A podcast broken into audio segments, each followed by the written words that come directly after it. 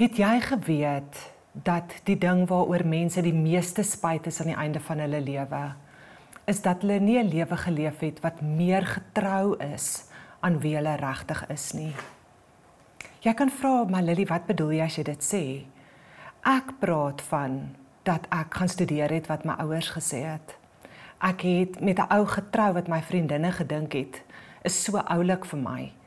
En ek doen wat ek dink my kinders graag wil hê. Ek doen wat goed is vir my man. Ek doen wat my baas vereis.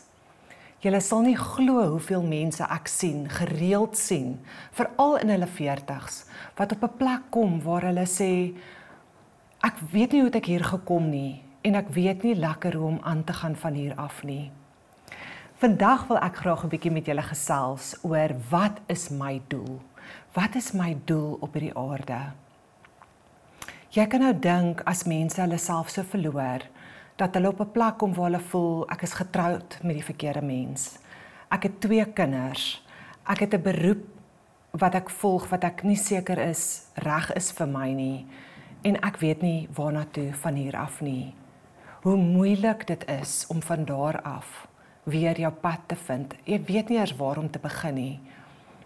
Ek wil vandag ons lewensdoel wil ek kom koppel aan my storie oor hierdie suurlemoenboom. Hierdie suurlemoenboom, ek wil ek wil vir julle die storie vertel want dan partykeer is ons osself daar uit vir dan kan ons net bietjie beter sien wat ons regtig nodig het om raak te sien. Hy staan op 'n plek geplant. En al wat die suurlemoenboom wil weet is, wat is my doel? Wat is my doel in hierdie lewe?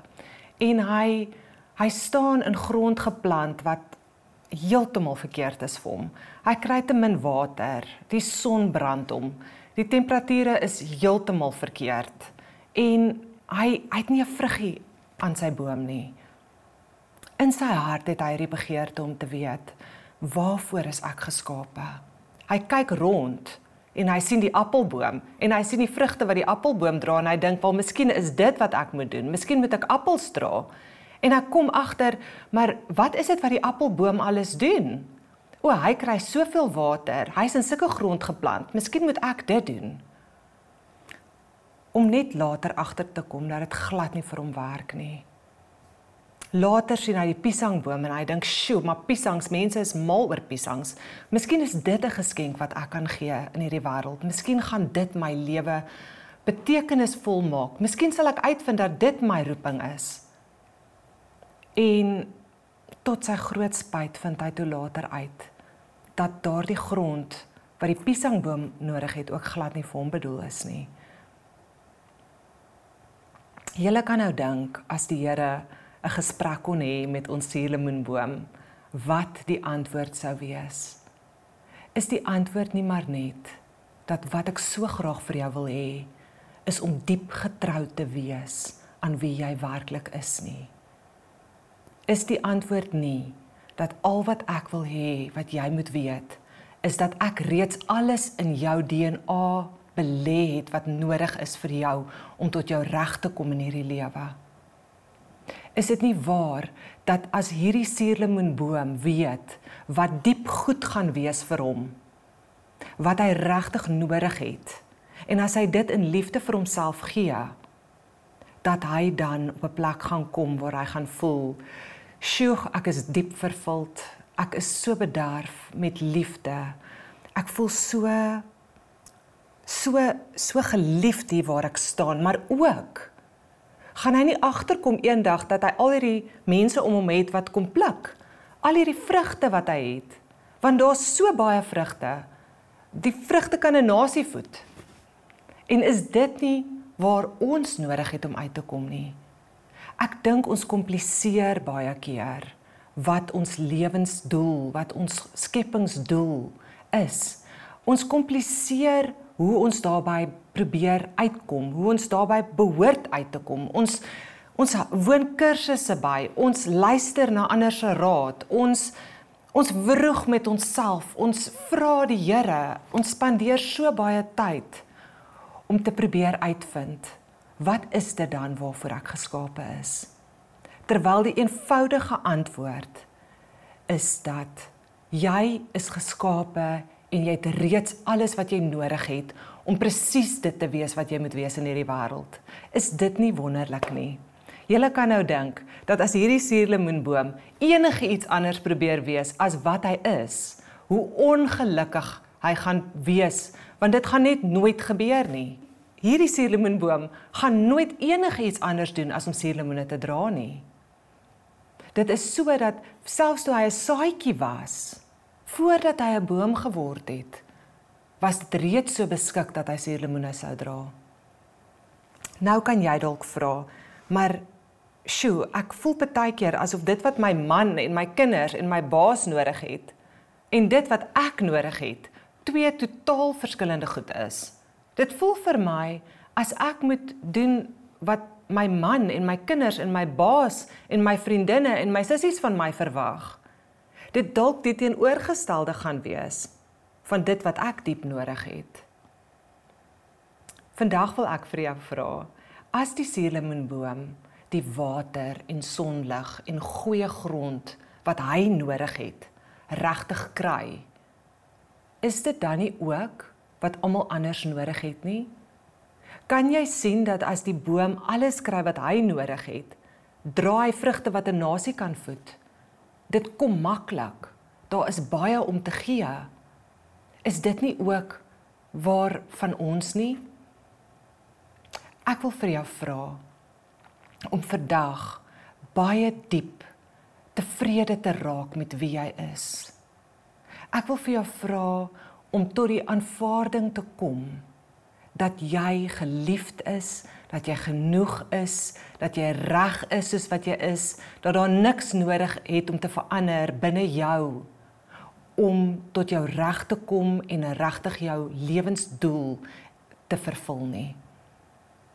As ons dit baie diep aanvaar, as hierdie suurlemoenboom dit baie diep aanvaar en begin om homself toe te laat om net te wees wie hy regtig is, gaan ons almal baie ryker wees. Ek wil so graag net 'n deeltjie van my eie lewe met julle deel vandag waar ek op 'n stadium in my lewe gekom het waar ag ek het soveel keuses gemaak wat nie goed was vir my nie. Ek het alles gedoen wat nie liefde was teenoor my nie. Ek het uit 'n omgewing uitgekom waar dit nie liefde was teenoor my nie. En op 22 jaar was ek swanger gewees, getroud swanger en na 'n baie baie moeilike swaar pad het ons letterlik op straat beland. Ons was in Sunnyside met niks. Ek was so maar en honger en en siek geweest dat ek amper hierdie kind waarmee ek swanger was verloor het. Ek was op 'n plek in my lewe waar ek regtig gevoel het ek ek wil net doodgaan. Ek ek het so baie beklei vir dit wat ek wil hê in my lewe. Ek het so ge, gewroeg met die Here. Ek het ek het probeer, ek het regtig ek het regtig probeer om aan elke laaste dingetjie vas te hou totdat dit ook uit my vingers geglip het. Ek wil vir julle sê dat die draaipunt het gekom toe ek 'n baie diep besef gehad het van hoe geliefd ek was. Dat die Here in die vorm van hoop aan my verskyn het en en dat ek ek het net so wete in my in my binnekant gehad dat hy in sy liefde vir my gaan voorsien. Dat hy in sy liefde dinge sal laat uitwerk. Dat ek kan terugsit en kyk hoe goed is hy vir my. En toe ek dit baie diep aanvaar en ophou wroeg en worstel en probeer, toe het ek op 'n plek gekom waar ek regtig kon rustig raak in my binneste met hierdie wete in my hart dat dinge gaan uitwerk. Dit het toe ook net so gebeur.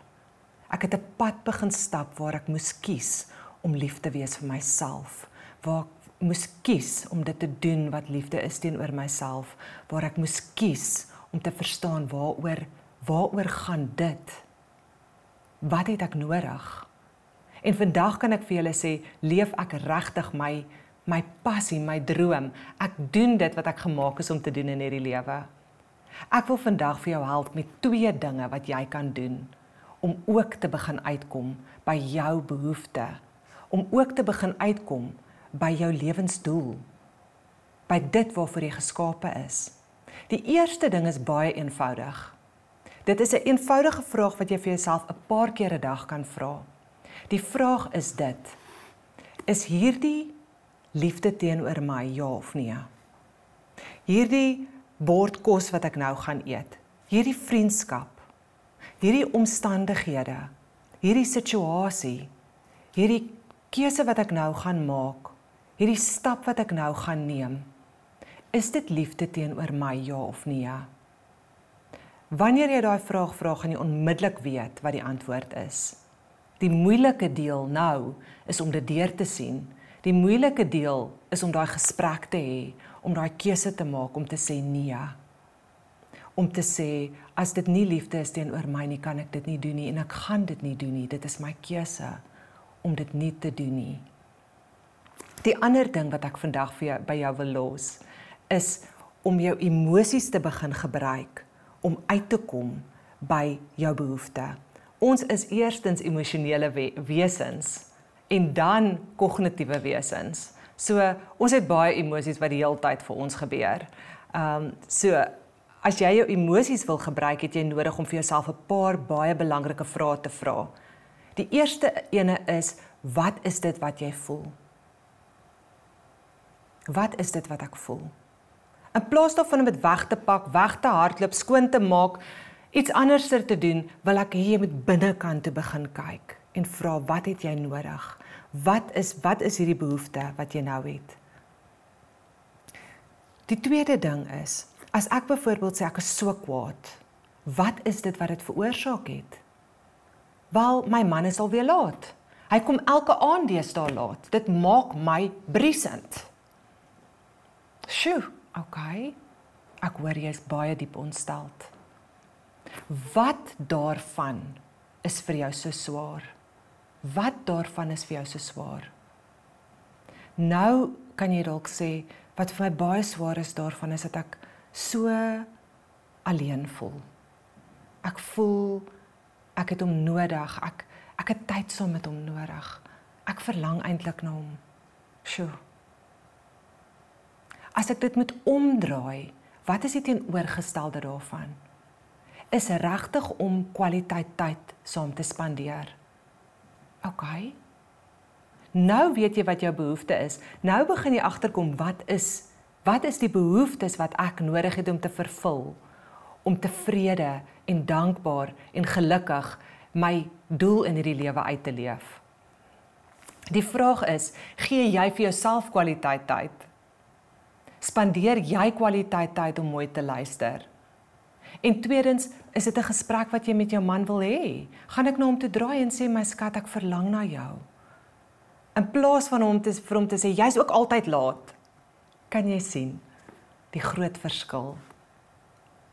Vandag wil ek daai twee dinge by jou los en vir jou sê dat jou lewensdoel is direk gekoppel aan jou behoeftes en as jy kry wat jy nodig het, gaan jy so tevrede jou lewensdoel kan uitleef.